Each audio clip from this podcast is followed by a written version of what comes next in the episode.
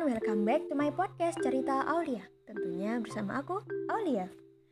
Setelah beberapa bulan berlalu dari podcast pertamaku Finally, kita bisa kembali ngobrol-ngobrol untuk berbagi kisah dan pengetahuan. Senang banget rasanya bisa berbagi bersama teman-teman pendengar. Oh iya, kalian apa kabar? Semoga sedang dalam keadaan sehat ya Dan semoga yang sedang sakit lekas diberi kesembuhan. Amin. Di masa-masa seperti sekarang ini sangat penting bagi kita untuk menjaga kesehatan. Seperti selalu mengkonsumsi makanan yang bergizi, rutin berolahraga, juga mengkonsumsi suplemen atau vitamin agar terhindar dari virus yang berbahaya dan mematikan ini. Yes, siapa lagi sob kalau bukan virus COVID-19? Virus ini datang ke Indonesia pada bulan Maret 2020. Aku masih ingat betul, kala itu aku duduk di kelas 3 SMA. Banyak sekali persiapan yang harus diselesaikan untuk menuju hari kelulusan. Berangkat sekolah pagi, pulang sekolah pulang sekolah sore, masih dilanjut dengan les.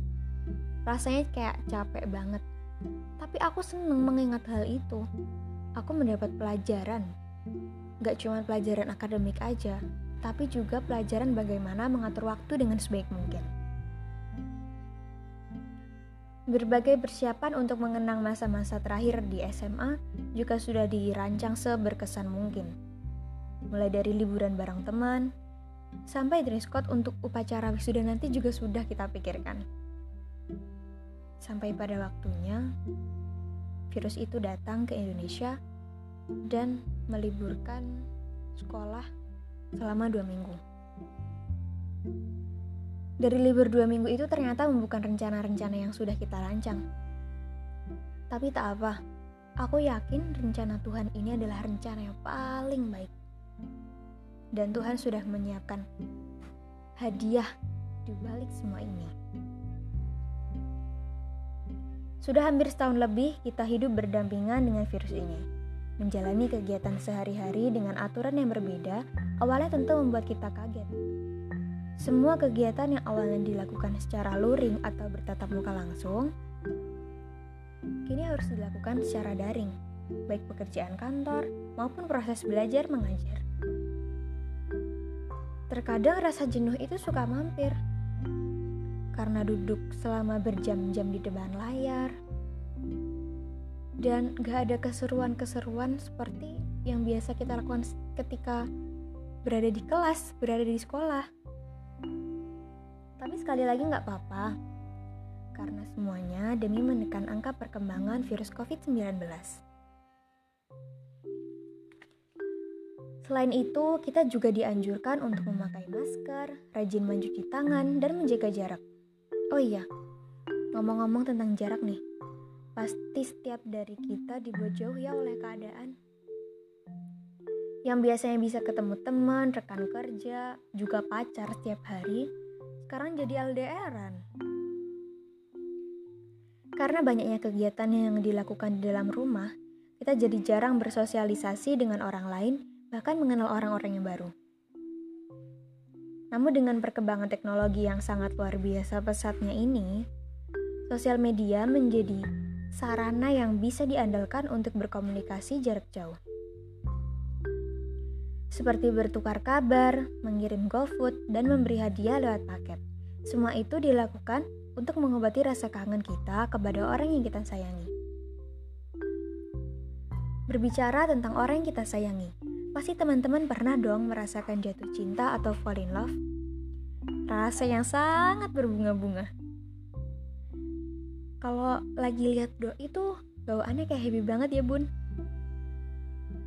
kalau udah begini mah dunia serasa milik berdua yang lain cuma ngontrak. Kenapa sih kita bisa jatuh cinta kepada orang lain? Ada tiga faktor yang menyebabkan kita bisa jatuh cinta kepada orang lain. Yang pertama yaitu penampilan fisik yang menarik. Kenapa? Sebenarnya, hal ini memang sangat lumrah karena pertama yang kita nilai pasti selalu penampilan. Entah penampilan dia menarik, mulai dari OOTD kalau zaman sekarang OOTD gitu ya namanya. OOTD wajah tinggi badan dan lain sebagainya. Hal ini sempat menjadi perbincangan di kalangan sosial media. Ah aku insecure aku nggak cakep body shaming ah segala macem dan hal-hal tersebut ternyata bisa menimbulkan keadaan mental yang tidak sehat. Namun, jika dirasakan kembali, kita akan merasa menjadi orang yang cantik, kita akan merasa menjadi orang yang luar biasa jika kita yakin dan percaya diri akan hal itu. Karena jika kita yakin dan percaya diri itu, orang lain di sekitar kita juga nggak akan menjudgment kita dengan pikiran-pikiran yang seharusnya tidak mereka pikirkan begitu. Ketika kita bertemu bayi, bayi ternyata juga merasakan hal ini loh. Bayi pertama kali melihat orang dari fisiknya, dari wajah yang ia lihat. Tak ayal lagi jika penampilan fisik memang sangat berpengaruh terhadap ketertarikan interpersonal antara satu dengan yang lainnya. Yang kedua, kesamaan hobi. Kesamaan hobi memang menjadi faktor yang juga berpengaruh. Aku punya hobi membaca buku. Aku juga memiliki teman yang hobi membaca buku. Dengan kita memiliki hobi yang sama, obrolan kita jadi nyambung. Dan dari situ menimbulkan rasa kayak pengen ngobrol lebih dalam lagi gitu. Yang ketiga, seberapa sering kita kita kontak dengan si dia. Jadi, kalau misal kita semakin sering kontak dengan dia, semakin banyak juga kesempatan yang memungkinkan untuk kita bisa dekat dengan si dia. Karena sering kita temui bahwa uh, banyak orang yang menikah dengan rekan kerja, dengan teman sekolahnya, dan lain sebagainya.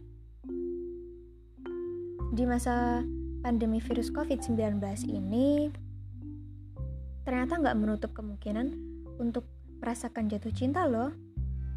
Ada aplikasi untuk mencari jodoh juga. Dari Instagram, dari TikTok segala macam orang-orang tuh awalnya tertarik pada foto profil yang kita pasang di sana gitu. Dari bio yang kita tulis, kemudian saling follow, saling like video, like foto, sebagainya, kemudian berkomentar, dilanjut ke DM segala macam ngobrol ngalor ngidul akhirnya nyambung terus jadi suka. Seperti itu. Karena ya bagaimana lagi? Karena keadaan menyebabkan jatuh cinta hanya sebatas via virtual. Aku pengen bahas hal ini lebih dalam lagi. Mungkin sampai di sini dulu ya. Terima kasih teman-teman sudah membaca jaga kesehatan ya. Dadah see you